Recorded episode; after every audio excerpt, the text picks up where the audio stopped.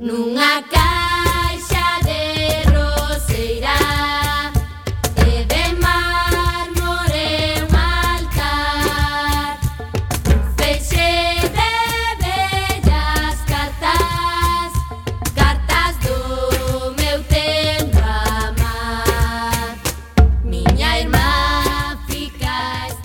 Ola, que tal? Moi boa tarde, recendeiras e recendeiros Estamos de volta despois destas dúas últimas semanas de pausa Benvidas e benvidos a este espazo radiofónico semanal dedicado á cultura que facemos en rigurosísimo directo todos os martes ás 7 da tarde aquí en Coac FM o 103.4 a Radio Comunitaria da Coruña.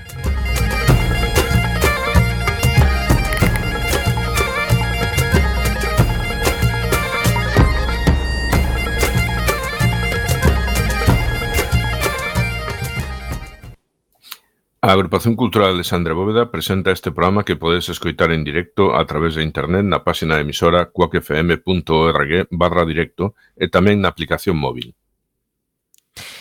E se non chegastes a tempo, non tendes excusa. Podedes descargar todos os programas xa emitidos no, no Radioco, este mega podcast de Quack FM, tamén en Google Podcast, se nos buscades en Google, ou tamén podedes escoitarnos na redifusión, que será os mércores ás 8 da mañá, os venres ás 4, e na madrugada do domingo luns ás 12 da noite.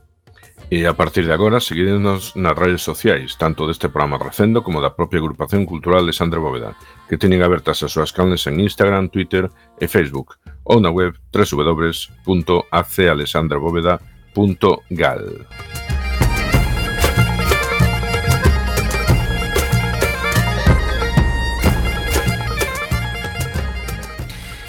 Esas e máis imos caralón a procura desta fantástica aventura cultural hoxe con Roberto Catoira, tanto no control técnico tamén como falando diante do micrófono.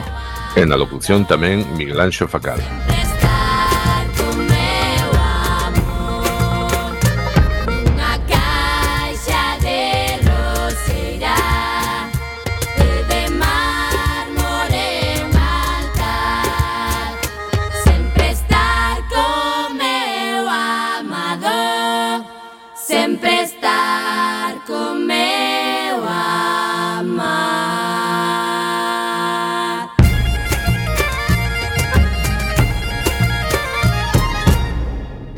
Este é o programa número 390. Hoxe teremos como convidada a Luz Méndez, a presidenta da Asociación Galega de Onomástica. Así que hoxe falaremos de nomes de persoas, pero tamén de nomes de lugares. E ademais de Luz, estará connosco a nosa correspondente de audiovisual, María Núñez Veiga, para poñernos ao día todo o que pasa no mundo do cine. E falaremos tamén, obviamente, das actividades da nosa agrupación, como sempre, das outras cousas que se fan na Coruña e na Galiza e que tamén son cultura. En canto a música de hoxe, como imos falar da denominación tradicional das persoas e os lugares, apetecenos escoitar música galega ata as raíces. Eh, como acreditou o grupo Fuxan os Ventos no seu disco pon homónimo de 1976. Presentamos a primeira peza de hoxe titulada Irmaus, eh, baseada nun poema de Celso Emilio Ferreiro.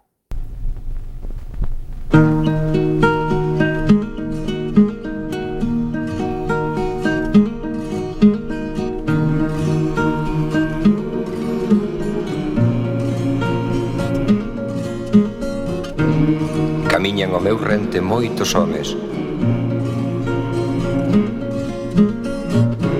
Non os coñezo.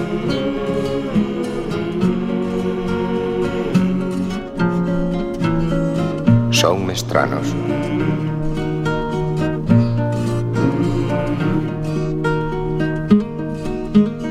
ti que te alcontras a la lonxe.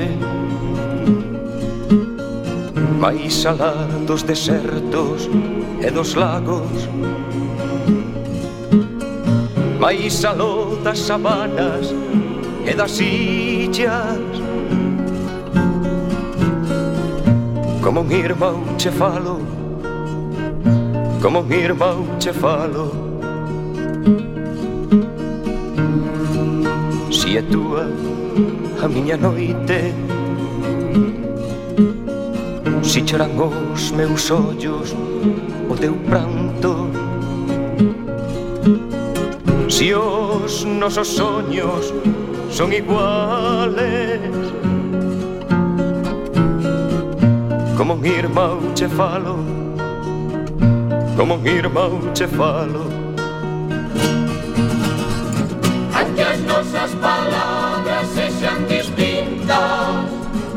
mi negro y el blanco, entiendo mediante esas feridas.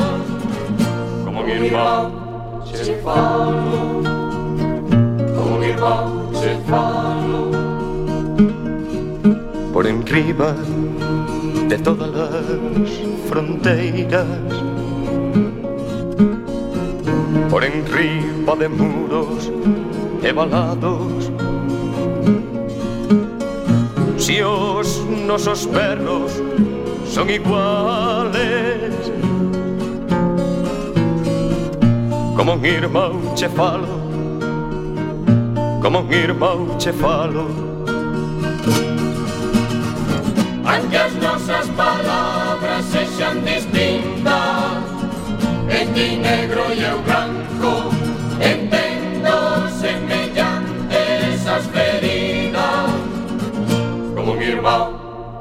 falo farò come irmão monte farò común temo la patria. Común a loita ambos. A miña mão che dou é mau de irmão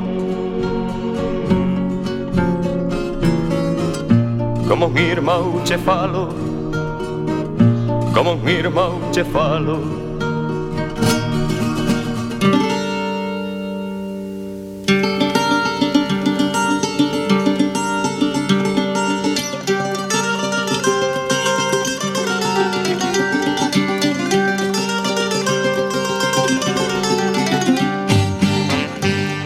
Comezamos un programa máis eh, repasando as axendas culturais e comezamos pola da nosa asociación. O mércores 15 proxectaremos o documental de Beatriz Pereira Xela Arias, poeta nas marxes, a partir dos testemunhos de Marga Doval, José María Álvarez Cácamo, María Xesús Nogueira, Manuel Bragado, Susana Trigo e Humberto Heredia, percorre a vida e obra dunha francotiradora das letras. Será a 7 no noso local. O xoves 16, Uxío Breogán Dieguez ofrécenos a palestra titulada O galeguismo no exilio mexicano. Uxío Breogán Dieguez Ezequiel é doutor en Historia Contemporánea pola Universidade de Barcelona e profesor da Universidade da Coruña, na que é director da Cátedra de Memoria Histórica. En México, o galeguismo político contou con figuras como Florencio Delgado Gurriarán, a quen se dedica o Día das Letras Galegas do ano 2022. Esta actividade encadrase no proxecto Valdeodras sin finda, Será ás 19.30 horas no noso local. E o Benres 17 a politóloga feminista Rocío Saavedra falaranos da lei do sí e sí, unha loita sobre o evidente. O acto encádrase dentro do ciclo Mulleres e Realidades Comuns coordinado por Cristina Bajo coa colaboración da Marcha Mundial das Mulleres. Será a 7 horas no noso local da Rúa Olmos, xa sabedes, 16-18, primeiro. E para rematar a nosa xenda da Alexandra Bóveda, o LUNS 20 proxectamos no noso local o documental O desafío do SIL. Será presentado polo seu director, Domingo Díaz do Campo, que foi invitado en Rasendo hai algún tempo, e esta actividade encádrase tamén no proxecto Valdeorras sin finda. Valdeorras está moi presente na nosa cidade. Será a sete media da tarde no noso local.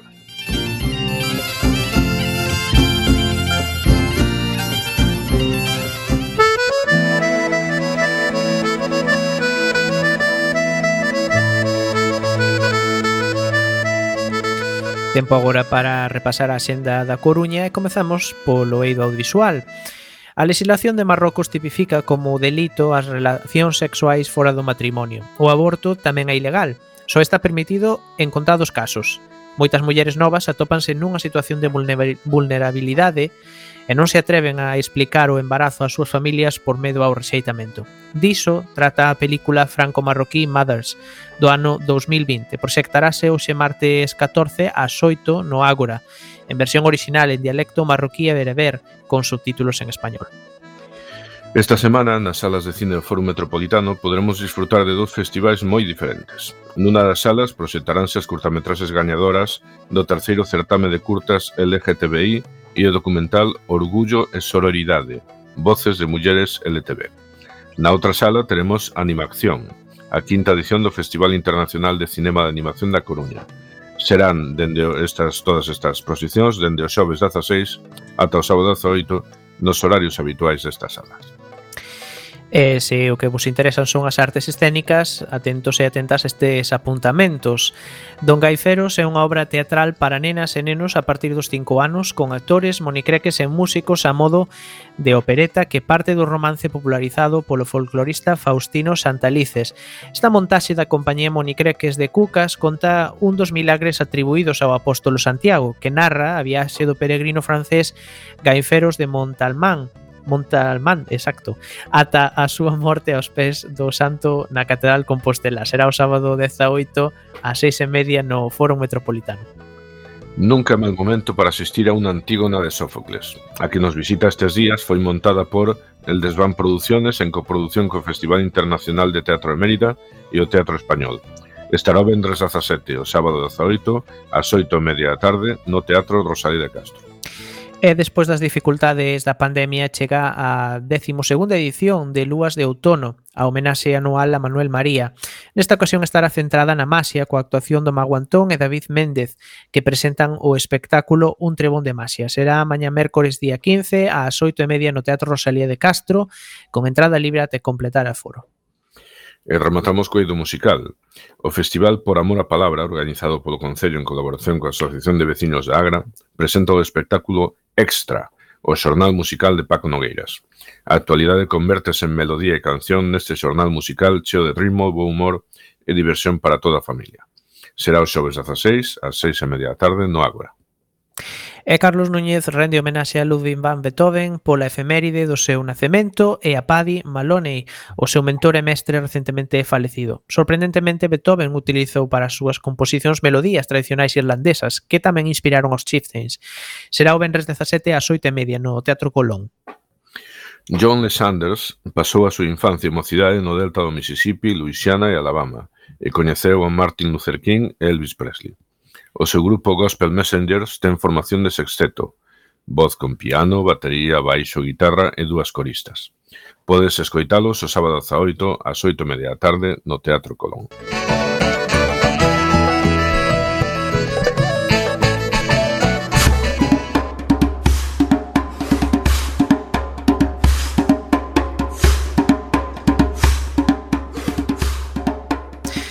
Agora falamos da Xenda Cultural da Galiza e comezamos por Ferrol, onde Turbo Crash, eh, que é unha formación de post-hardcore instrumental da cidade de Parmental constituída por Joaco Baixo, o baixo, Robert a batería e Mano a guitarra. As súas influencias son moi dispares, desde metal bruto ata trap, pasando por funk e cañita brava, incluso.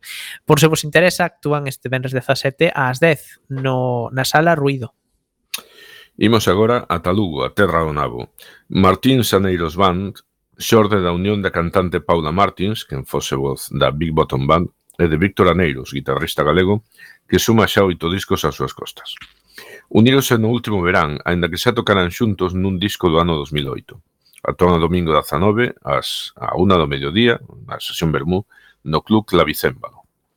Leira é a converxencia deste cuarteto de jazz vocal formado por Ana Leira, a voz, Iago Mourinho, piano, Alfonso Calvo, contrabaixo e Miguel Queixas, a batería.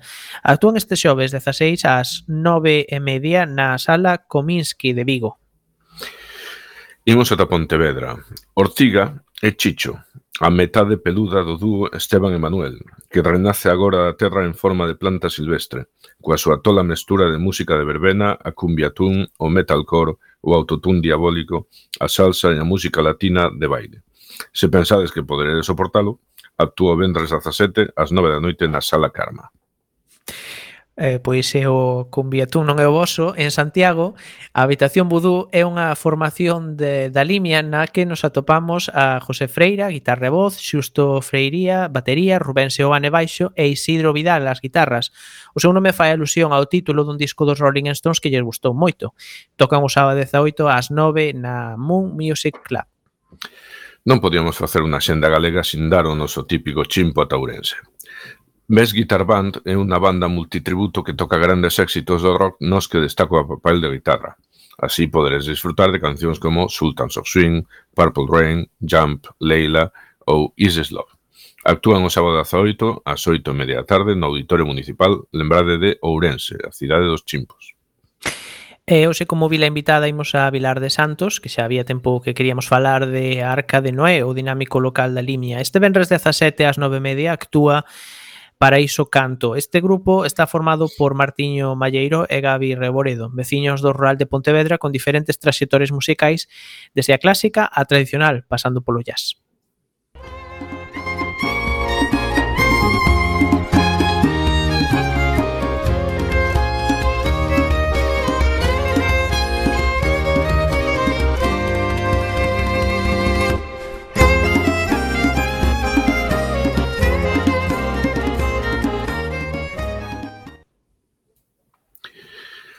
Hoxe temos un programa no que imos tratar un tema que nos fai especial ilusión, pois é un tema inédito en Recendo, e iso que xa levamos uns cantos programas emitidos. O tema desta tarde é a onomástica galega. A onomástica non só fai referencia ao estudio dos nomes propios da xente, senón tamén os nomes propios dos lugares, é dicir, a toponimia, e xa sabedes que neste aspecto Galicia é especialmente rica. A onomástica forma parte do noso patrimonio cultural, o seu cuidado e coñecemento axúdanos a coñecernos un pouco máis así como a difusión da nosa propia historia. A onomástica é un tema complexo, pois son moitas as perspectivas que hai que engadir para un estudio adecuado. Falamos de que é un campo que non só implica a lingüística, senón tamén precisa de achegas da antropoloxía, da arqueoloxía, do social e da historia. Por esta devandita complexidade que dicía Roberto, é necesaria a existencia das nosas convidadas de hoxe, que non é outra que é a Asociación Galega de Onomástica, tamén coñecida como AGON. A asociación nace en Santiago de Compostela no ano 1999. A súa vocación é a de impulsar todos aqueles traballos dedicados a conservar, estudar e difundir a nosa onomástica. Debido aos diferentes perfis de estudosos que precisan estes traballos, AGON tamén se fixa como obxectivo a coordinación dos diferentes campos implicados na investigación. A asociación tamén se dedica á recuperación dos nomes tradicionais como Vieiro para impulsar a normalización lingüística, Para isto é moi importante o traballo que Agón realiza cos institutos, axudando os docentes para que impliquen o alumnado no coñecemento desta riqueza cultural, así como que se animen á realización de traballos de campo que redundarán no beneficio de toda a cultura galega. Agón, xunto coa Real Academia Galega, é a responsable da colección de libros Terranomeada, co que queren ter un rexistro completo de toda a toponime de Galicia e dos territorios limítrofes que forman parte da Galaecia histórica. Para contarnos máis sobre as actividades da Asociación Galega de Onomástica, temos hoxe a súa presidenta, a filóloga e asesora lingüística da TVG, Luz Méndez. Moi boa tarde, Luz. Boa tarde. Eh, pois, obviamente, como sempre, para nós é un menso placer contar hoxe contigo en representación da, da asociación. Eh, cando entrevistamos a asociacións que teñen unha trayectoria máis ou menos longa como a vosa, habitualmente eh, eh, comezamos preguntando como xurdiu a asociación, pero hoxe se cadra temos que comezar dunha forma diferente, porque, como se decía na presentación, poderías definir o campo de estudio que habrá en geonomástica, para que nos vayamos centrando todos desde o comezo. Ben, a onomástica é o estudo dos nomes propios, pero tamén os propios eh, nomes propios. É dicir, eh, o, o estudo de como se constitúen os nomes propios da nosa comunidade, todos eles, pero tamén o rexistro destes nomes propios, porque ás veces, como é o campo da toponimia, eh, onde temos unha cantidade inxente, eh, temos moito interese en rexistrar eh, todos os topónimos do noso territorio, non só as entidades de poboación, sino tamén eh, calquera nome dunha entidade xeográfica. En Galicia nomease todo, os camiños, as pedras, os regos, os regatos, os muiños, os... Eh, campos, os cultivos, entón é, é moi interesante todo ese rexistro porque é unha cantidade inxente e algúns deses nomes teñen séculos e séculos de antigüidade. Entón, para con, um, sintetizar o estudo da onomástica e o estudo dos nomes propios e o seu rexistro. E eh, xurdenos unha dúbida que seguramente xurdiva xurdiu máis a xente na audiencia. Os apelidos están incluídos? ti eh, non só os apelidos, os nomes de pía, os apelidos, os topónimos, que é o que máis uh -huh. eh, adoitamos coñecer da onomástica, pero tamén os nomes dos animais, os nomes dos barcos, eh, os nomes comerciais, eh, os nomes das rúas, que son unha mm, toponimia un pouco distinta, etc. etc. É dicir, calquera nome propio, eh, é un, un sí, sí. susceptible elemento de estudo na onomástica. Pois pues está claro que niso Galicia é unha potencia, noutras cousas non sei, pero neso está clarísimo que mm. que non nos gana calquera. E que podemos aprender da historia dun lugar a través do estudio da súa toponimia?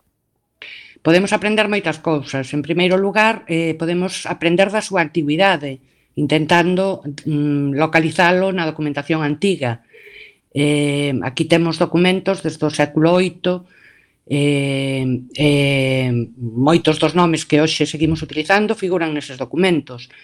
Que un nome apareza eh, pues, nun documento dos 700 e pico eh, dá idea de, da súa vitalidade, da súa antigüidade, non? que durante todos eses séculos os tivemos mantendo e se nos transmitiu eh, primeiro oralmente, porque acceder a textos escritos era moi difícil para moita poboación, e desde hoxe en día pois mm, registrado en multitude de documentación na que se poden incluir, non? Eh, acabas de darnos moitas pistas de moitas cosas, incluso nomes de rúas, animais, que xa, puf, eh, xa, xa en Galicia xa calquera desas cousas pode dar para moito, pero seguramente a cabeza nos venen a case todos eh, dúas cousas principais que son nomes de persoas e nomes mm. de lugares. Cando se investiga un nome de persoa, un apelido, algo así, un topónimo, hai, o traballo é moi diferente ou hai moitos puntos de conexión? Eh, hai puntos de conexión, pero tamén hai diferenzas, porque eh, nos nomes de lugar, mm, a parte da súa antigüidade, podemos eh, aprender moitas cousas de como era o territorio, por exemplo, un sitio que se chame eh, Carballeira indica que ali houbo carballos, non? Eh, pero tamén podemos eh, aprender Mm, maneiras de utilizar o territorio, eh, podemos saber de que tipo de animais vivían ali, eh, eh, mm, a través de un registro da súa documentación, o sea, de como ese nome vai figurando nos documentos, podemos saber, eh, pois mesmo, se estaba moi habitado, se non, se en algún momento se abandonou, Dicir, mm, o estudo sistemático da, da toponimia dá idea de moitos factores da nosa sociedade tamén.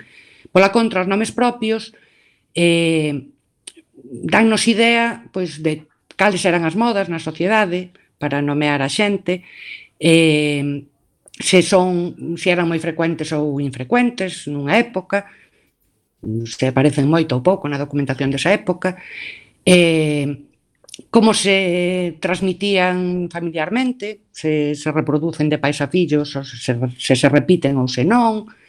Eh, é outra mm, visión mm, da sociedade eh, distinta da, da visión comunitaria que, mm, que nos transmiten os nomes de lugar, porque os nomes propios restrinxense máis ao ámbito familiar ou de pequenas sociedades, non?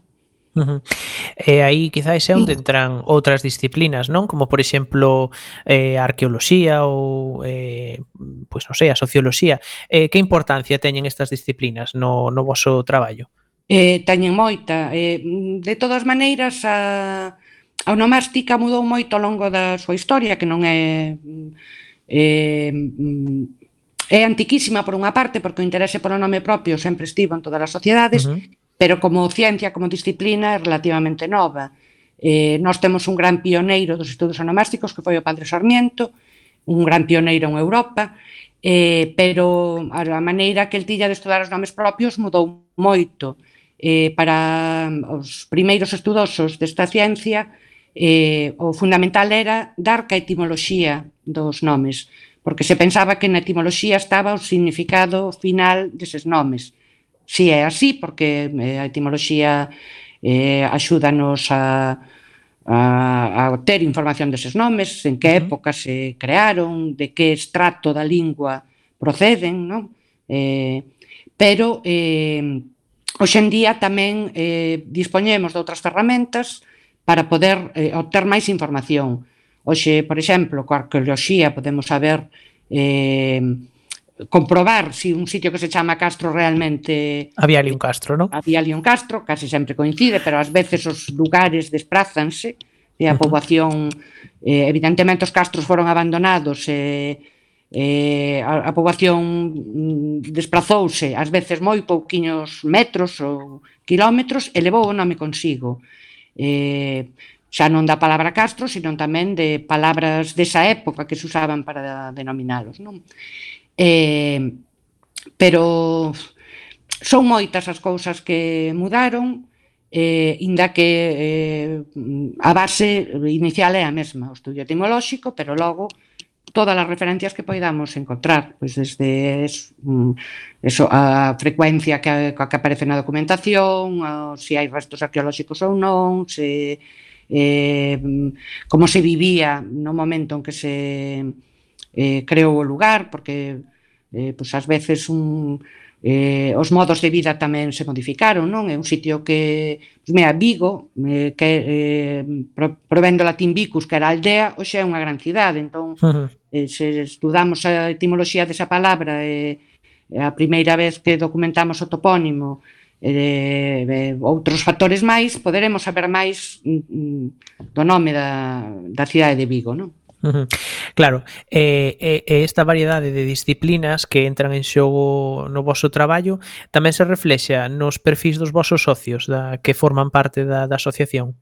Sí, en xeral, eh, a nosa asociación está aberta a calquera persoa interesada na onomástica, porque, como digo, xa non eh, é fundamental ter certa formación, pero esa formación tamén se pode adquirir, non? Uh -huh. E moitas veces O importante é simplemente o rexistro. Estou pensando, por exemplo, nunha cousa moi característica de Galicia que é o de nomear as casas. Eh, nós temos un nome, un apelido, pero tamén somos coñecidos por eh, sobre todo no, no mundo rural principalmente pola casa da que procedemos, non? Uh -huh. Entón, eh, simplemente o rexistro dos nomes de casa dunha aldea é eh, algo interesantísimo que pode, pode facer calquera persoa, non? eh, pois, tomar nota deses nomes e eh, logo xa virán outros por diante para estudalos porque eh, esperemos que a ciencia teña moita vitalidade e eh, a ciencia nomástica e que dentro de 200 anos a xente se siga interesando por ela, non? Entón, se hai un rexistro deses nomes, mm, poderánse estudar posteriormente. Estou pensando, por exemplo, que no século XVIII, no catastro de, do, de Ensenada, eh, un catastro que se fixo para eh, ter noticia de, dos habitantes de cada lugar eh, que propiedades tiñan para logo cobrarles impostos, uh -huh. pois eh, hai eh, entre os seus eh, eh, dato, entre os datos que contén ese catastro é o nome do vecindario, principalmente dos homes, porque eran os cabezas de familia, pero tamén figuran mulleres, viúvas ou, ou solteiras que xa non tiñan pais, non? Entón, Todos eses nomes hoxe ofrecenos unha información importantísima sobre como se nomeaba xente, como se chamaba e como se apelidaba xente do século XVIII en Galicia. Eh, o, pois hoxe podemos estudalo porque houve un rexistro diso.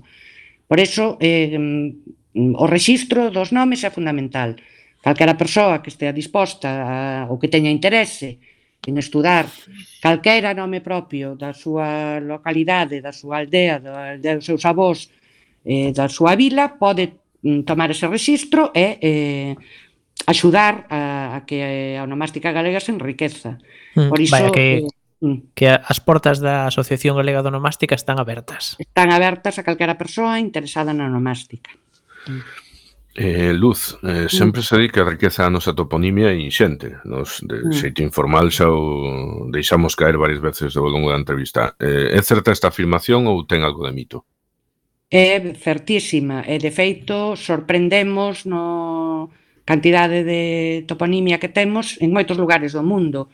Eh, hai asociacións internacionais de onomástica que moitas veces eh, miran para Galicia nese sentido, non? Non só por, por, por esa cantidade inxente de nomes, sino porque eh, mm, hai estudos onomásticos desde moito tempo. Xa vos mencionei antes a Sarmiento, que era un gran interesado no tema, non? Eh, eh, tamén é, é un pouco un, un retrato da nosa sociedade, non? De como habitamos o territorio, todo o aproveitamos, eh, dispersámonos moito por el, en vez de unirnos en grandes núcleos, eh, temos pequenos núcleos habitados. Uh -huh. eh, hai un mapa moi curioso que supoño que todos vistes algunha vez, que é un mapa de eh, da religiosidade en Galicia a través dos seus nomes de lugar. Mm, é un pouco errado ese mapa porque eh, collen a parroquia como punto de referencia eh, todas as parroquias están dedicadas a un santo, inda que ese claro. santo non forme nome, non forme parte do nome da parroquia, simplemente é uh -huh. unha advocación religiosa, non? Pero eh, si vedes ese mapa está cheo de puntiños, puntiños, puntiños, e son só os nomes dos santos das parroquias, máis algún outro nome, topónimo este sí, tipo Eirexe ou Igrexa ou eh, ou algún lugar que tenga o nome do santo porque ali mm, está a, a igrexa parroquial ou hai algún tipo de relación ca, co mundo eclesiástico da zona. Entón, este afán dos, dos galegos por nomear todo ten que ver co minifundismo, coa dispersión poboacional e todo eso? Non o creo, eh, ten, ten que ver con o noso carácter, non? De, non sei se, se, se de non xuntarnos grupos grandísimos eh, eh, tamén ca necesidade de describir escribir o territorio para orientarnos por el. Uh -huh. O nome, eh, antes de que en época máis recente houvese eh, mapas elaborados ou GPS ou servía dentro dunha pequena comunidade para indicar o punto no que estabas do territorio, non? Se ti levabas as vacas a un sitio e volvías para casa, tiñas que ter nomeado o sitio para logo mandar a outra persoa por elas, por exemplo. Eh, ou para eh, os pescadores no mar, que tamén nomean eh, incluso debaixo da auga para saber onde están eh, os pecios, eh, os mm, bancos de peixe, uh -huh. e as pedras que poden afundir unha embarcación tamén nomean debaixo da, da auga. Entón, eh, para orientarse dentro desa superficie que en uh -huh. principio é toda igual, necesitaban nomear o, o territorio. Non ten que ver coa terra, non ten que ver máis cos galegos que tamén nomean partes do mar, por exemplo. Ex exactamente, que a nosa idiosincrasia. As, as pedras onde ir a coller percebes e todo eso, si coñecemos moito por aquí. E sabese cal pode ser o topónimo máis abundante en Galicia? Ou... Eh, pois non lembro agora, é moi frecuente irexe, irexa, eh, todas as variantes da palabra, desde a forma máis antiga hasta a igrexa moderna. Eh, Castro tamén é un, unha palabra moi frecuente. Eh, neste momento non lembro, seguramente hai un que destaca entre todos os demais, pero a moi poucos pasos do seguinte, é dicir, eh, repetimos moito Outeiro, por exemplo, uh -huh. porque temos un territorio moi... Con moitos eh, outeiros? Claro, eh, esgrevio, non? O sea, escarpado. Eh, eh, en xeral, o sea, non sei en este momento concreto, eh, supoño que está estudado iso, pero... Uh, claro, o sea, que precisamente a nosa seguinte pregunta era sobre Outeiro, que se cadra sí. non parecía tan tan evidente, pero claro, como como Galicia así moi pouco chae, con moito... Claro, Aquí varios dos que participamos neste programa vivimos na Ronda de Outeiro, ainda que mm. penso que a Ronda de Outeiro da Coruña foi referencia a unha pequena aldea que estaba nun punto moi concreto e ao final dá nome unha avenida, claro, que, unha avenida que ten 5 km de longo e que non ten nada mm. que ver con ese Souteiro, pero claro. son cousas moi curiosas. Ben, eh, Miguel e Luz, se vos parece, podemos facer unha pequena pousiña musical eh, para descansar un pouquiño e temos por aquí a canción de Fuxan os Ventos, seguimos co mundo moi tradicional, o Afiadore.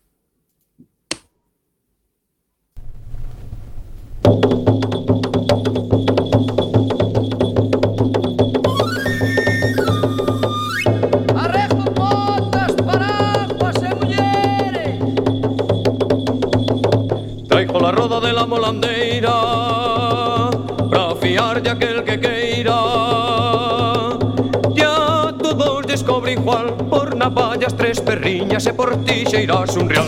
Dalle na roda, dalle madeira pra fiar a quen que queira e un cuchillo, se un navallas se un quixeira. Dalle na roda, dalle madeira pra fiar a quen que queira e un cuchillo, se un navallas se un quixeira. Cuando salí de Galicia a correr el mundo entero Cidades con ventanas e balcóis Calle na roda, calle madeira Pra fiar aquele que queira É un cuchillo, se unha seu se un guixeiro Calle na roda, calle madeira Pra fiar aquele que queira É un cuchillo, se unha valla, se un guixeiro Cando salí de Galicia Salí bien acompañado cuantos arajanes como los que te han igualado. Dalle na roda, dalle madeira para fiar a que te queira É un cuchillo, se unha baña, se un tixeiro Dalle na roda, dalle madeira para fiar a que te queira É un cuchillo, se unha baña, se un tixeiro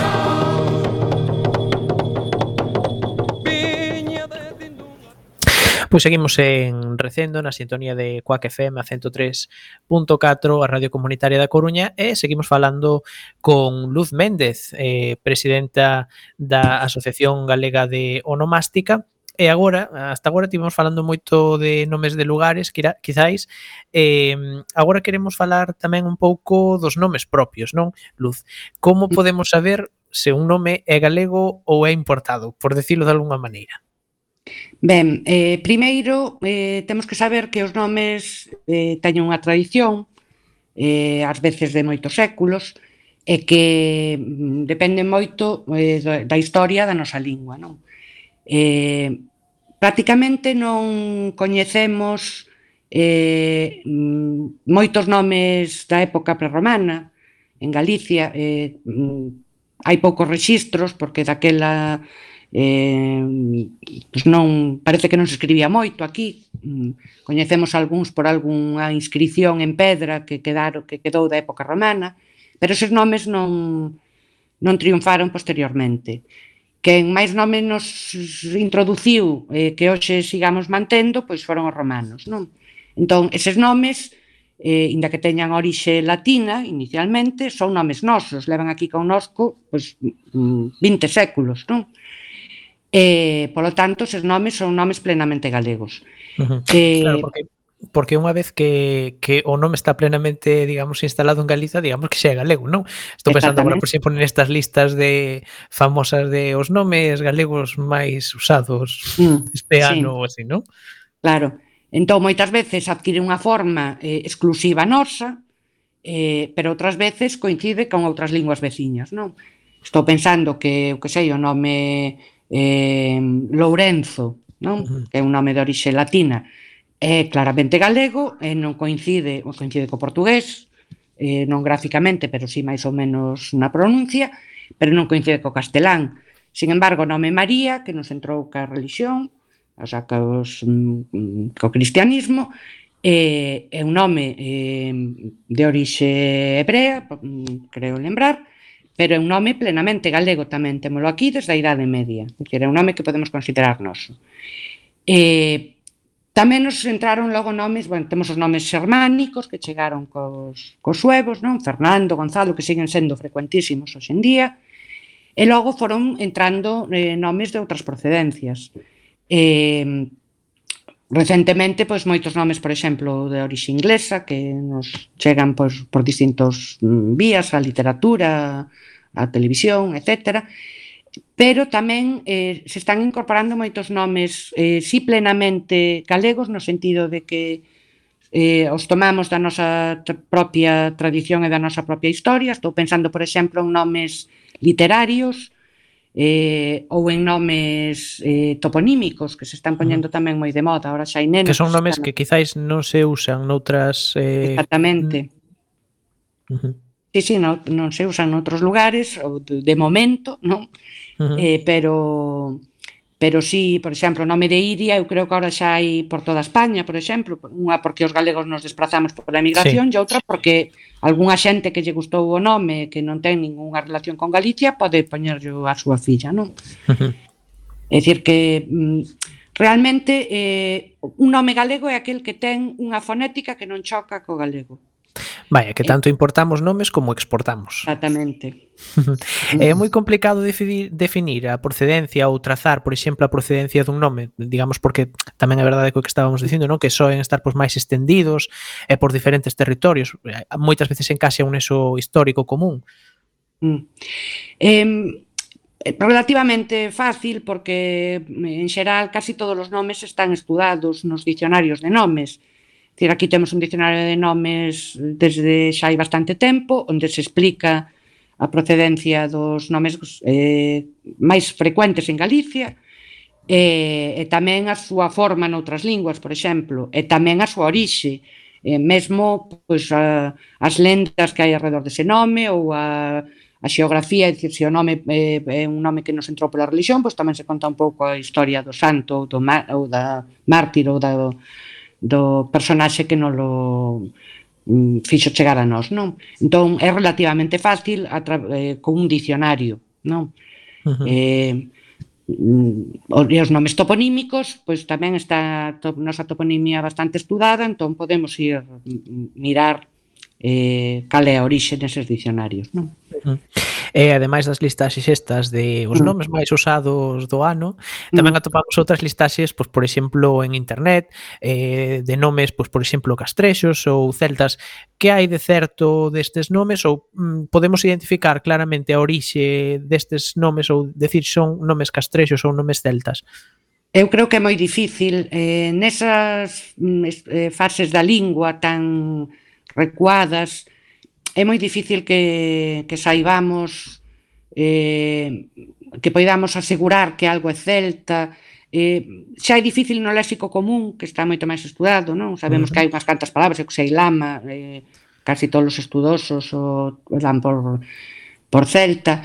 Eh, pero eh, eu creo que realmente é un pouco arriscado eh, por moito que comparemos con outras linguas claramente de procedencia celta a nosa prehistoria eh, eu creo que é complexa. Hai moitas discusións sobre o mundo castrexo, sobre o mundo celta en Galicia, e creo que a filoloxía mm, tampouco axuda moito a, aclarar iso, non? Porque, como vos dicía, os nomes tamén son moda, non? Uh -huh. Eh, pois a mellor aquí tiñamos un nome que parece de clara procedencia celta, e, eh, eh, pois veunos importado de outros sitios. En esas, nesas épocas moitos registros tampouco non habería, non? Claro, non, non temos registros, esa é a dificultade fundamental, non?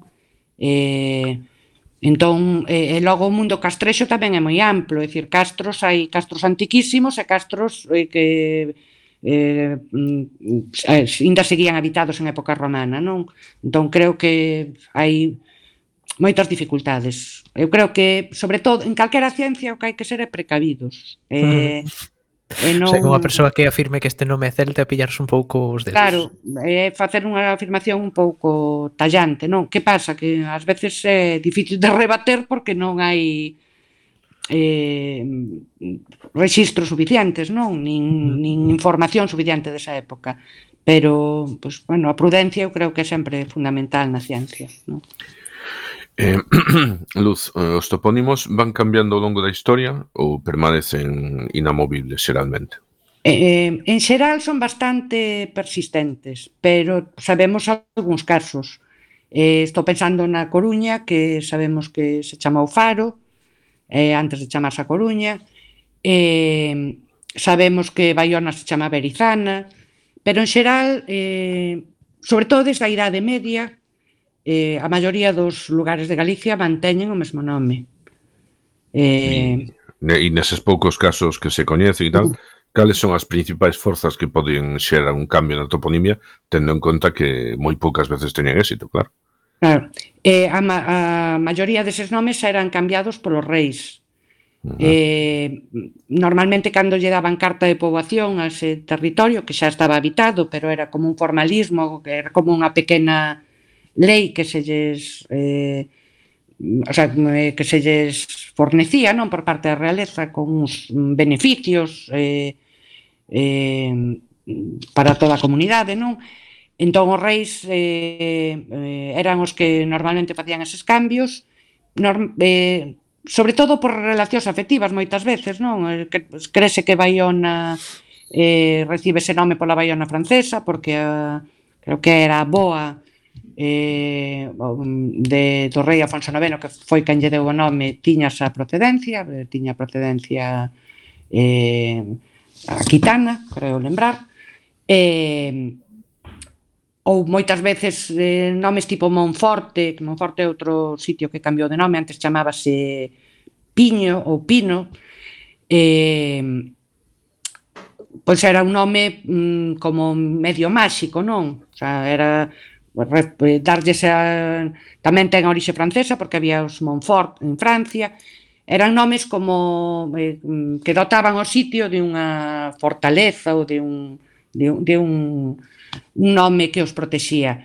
Hai tamén outro caso curioso de cambio de nomes que son aqueles nomes que parecían mm, en algún momento malsoantes eh, polo que fora, pois eh, hai un caso de un Malpica que se cambiou que se cambiou para Benpica, Eh, é bastante mm, coñecido o caso de localidades en Portugal que se chamaban galegos que cambiaron de nome porque galego no seu momento tivo mala connotación en Portugal. Uh -huh. eh, e aínda eh, ten, ti crees? Mm, bueno, eh, atribu é, é unha especie de alcume para os portugueses do norte. Uh -huh. eh, certa mm, idea de... Porque, bueno, os galegos eh, sempre fomos emigrantes e íbamos a Portugal a traballar de ugadores, entón non estábamos demasiado ben vistos. Tampouco os portugueses tiveron boa fama aquí en moitas épocas, non? Hmm. Eh, entón, bueno, isto é consustancial aos veciños, creo claro. que ás veces temos que levarnos mal para acabar sendo amigos e eh, vos vecinos, sí. non? Sí. E rematamos xa rapidamente con isto do cambio de toponimia. Eh, se nos ocorre unha idea, pero se cadra é absurda, de que as cidades que normalmente ten son lugares máis dinámicos socialmente que as zonas rurais, que poden cambiar de topónimo con máis facilidade que, que as zonas rurais, ou non é así? O nome da cidade, dis. Sí, o nome da cidade, sí. sí Por cosas eh... estas que un rei diga esta cidade quero facela grande e tal, e lle vou a poñer mm. un nome e tal, algo así. Sí, é, é moito máis probable, sí, eh, uh -huh. porque van sitios pequenos eh, mm, tampouco teñen esa necesidade, nas uh -huh. cidades sí, sempre hai esa cousa de ou nas vilas grandes, non, de de que mm, se quere significar, ser máis mm, ter un nome como máis heroico, máis, pero mm, posiblemente sí, de feito os nomes que máis Os nomes que coñecemos que sufriron cambios normalmente son localidades un poquinho máis grandes, non? Eh, bueno, falando de cidades, aquí na nosa cidade, na Coruña, hai pouco tamén tivemos pois unha medio polémica así, non? Pois mm. de nombrar unha zona que de vivendas que se chamaba ofimático e pasouse a chamar pois Xusán, non? Que, que era a aldea. Non sei que che parece esta forma de proceder se é o que deberían facer as cidades pois para eh, evitar tamén que se perdan os nomes, porque ao final as cidades grandes é o que decías ti antes, non? Igual ocupan espazos que antes tiñan outros nomes de outras aldeas, de outros sitios. Non sei que che parece esta forma de nomear rúas eh, e barrios, por exemplo. Pois pareceme interesantísima eh, e ademais, bueno, sei que Iván Méndez que, que eh, non sei se coñecedes é unha un, un estudoso de onomástica que, uh -huh. que vive na Coruña e eh, eh, fixe un traballo inxente para recuperar os nomes que estaban sepultados, porque é moi difícil moitas veces eh, É o que ti dis, é, é dicir, mm, un espazo construese e os nomes eh, agrícolas que estaban por debaixo dese espazo, os nomes eh, máis rurais, eh, acaban sepultados. Eh, debaixo do nome dunha, ría, dunha rúa de 5 kilómetros quedaron, pois, ao mellor 100 nomes, ou 40 ou, ou 60. Eh, desde a asociación abogamos moito porque se recuperen os nomes tradicionais e que se bauticen as rúas con ese nome Os nomes honoríficos eh, son un pouco un atentado contra o patrimonio toponímico. Creo que podemos honrar a unha persoa facéndolle un, unha estatua, escribindo uh -huh. un libro que conte a súa vida e a súa obra, eh, pero non ten sentido eh, eliminar dez nomes para nomear unha rúa co nome desa persoa, non? Mm. Entón, eh, creo que é unha idea moi bueno, moi interesante e que, pues, non sei, a, uh, o ofimático ou ofimática, non me recordo como se chamaba a zona, tampouco chega moito máis. Claro. No, ademais é que sería un auténtico disparate porque ali hai 20 ou 30 anos estaba previsto facer un parque ofimático que ao final non se fixo. É un polígono claro. de vivendas como outro calquera, entón tería moita coña que unha cousa que ao final non se fixo acabara sepultando un nome tradicional que estaba moi esquecido, pero que así volve outra vez á vida. Claro. Eh, así moi brevemente tamén antes eh, falábamos de nomes, por exemplo, de persoas que se volven moi coñecidos grazas a series de televisión. Como se fai un estudo deses nomes que se volven moi famosos por este tipo de, de series ou de filmes? Ben, bueno, hoxe con internet é todo moito máis fácil, non? Eh, entón, pois, mm, adoita con mm, Eh, nos, eh, bueno, non sei se coñecedes aí eh, unha, bueno, o Instituto Nacional de, Estati de Estatística ten unha web que eh, para consultar nomes e apelidos en España. Eh, a ver se si algún día podemos ter en Galicia unha cousa semellante, non? Porque o noso Instituto de Estatística restringe un pouco máis a información que eh, na web do Instituto Nacional de Estatística pódese consultar un nome por décadas, Entón, se ti pos o nome Vanessa, verás que é característico dunha década e que coincide ca, ca década en que naceu a filla de Manolo Escobar, a que se puxo Vanessa, non? Entón, eh, eso saiu en todas as revistas, porque Manolo Escobar era un cantante moi coñecido, e ese nome triunfou eh, a partir desa década, non? Entón, eh, é un pouco seguir eh, pues, a historia de personaxes coñecidos con ese nome para saber eh, cando o nome triunfa, non? Mm. Nos aquí temos apuntados Daenerys, non sei se vistes algunha eh, Daenerys xa. Eh, eh, si algunha cousa vin por Twitter que xa estaba triunfando en algúns sitios, non? Eh, supoño que van a raíz da, da serie, non? Uh -huh. eh, eh, eso é inevitable. Eh, sí. O, que pasa? A influencia que, que teñen ao final. Claro os medios sí. tamén, non? De todos modos está moi estudado, daí entraría o campo da psicoloxía, que tamén estuda moi, e da socioloxía, non?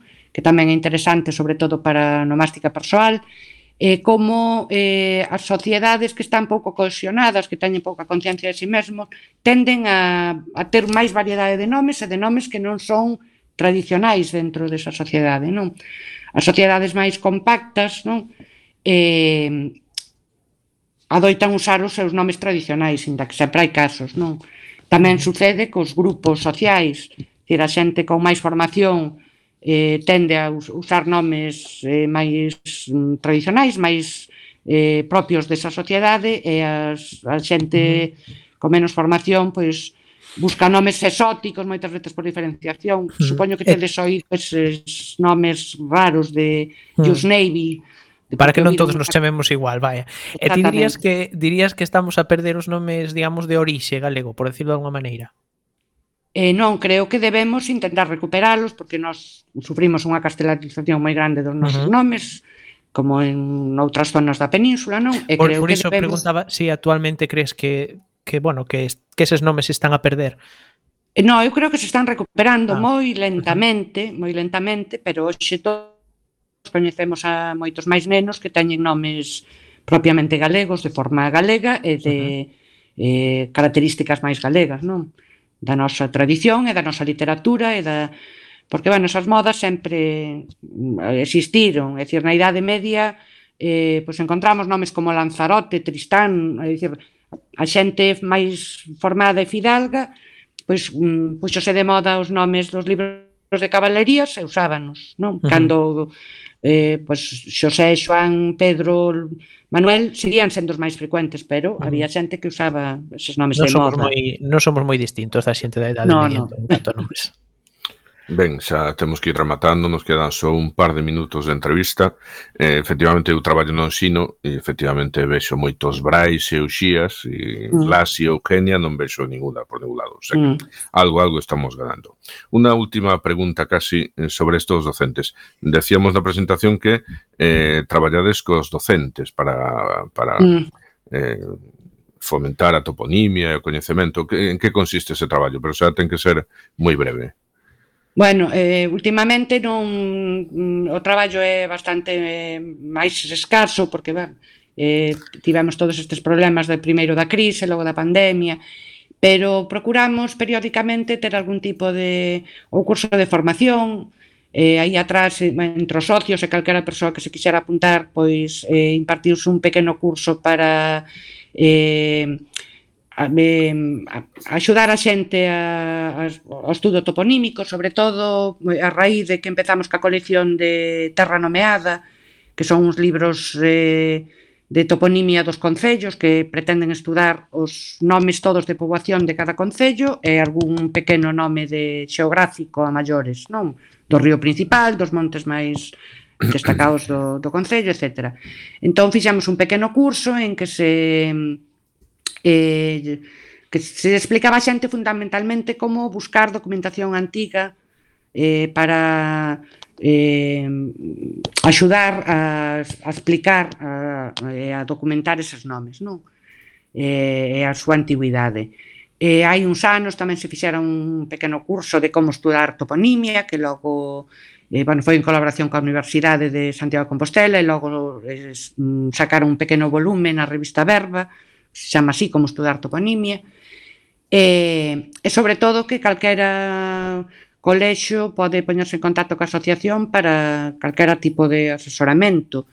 Eh, a Real Academia fai unhas xornadas de onomástica todos os anos en Pontevedra, unha xornada que é un día, eh, e sempre se intenta levar un proxecto didáctico eh, sobre estudos onomásticos, non? Xa sexa de nomes propios de persoa, de alcumes, de nomes de rúas, porque se hai rúas nas aldeas, lembro que era unha... É dicir, que mm, a asociación está aberta, toda a sociedade, mm. e eh, facemos o que podemos dentro po, dos nosos Pois Luz Méndez, presidenta da Asociación Galega de Onomástica, foi un inmenso placer falar contigo. A verdade é que foi unha conversa moi interesante, creo que aprendemos bastante sobre onomástica e sobre nos mesmos tamén. Moitas grazas a vos, eh, encantada de estar aquí hoxe con vos. Moitas grazas, Luz. E sen tempo para máis, o odiseasimos chegando a fin deste recendo. Despedimos o programa de hoxe agradecendo a nosa convidada, que, como sempre, pois foi unha honra se tivemos a Luz Méndez, presidenta da Asociación Galega de Onomástica. E agradecendo a semente pedra angular de todo, o noso comando equipo de produción formado por Javier Pereira, Gemán Villán e Roberto Catoira, aquí estiven eu mesmo nos control, Roberto Catoira, e co alento do micrófono Miguel Anxo Facal.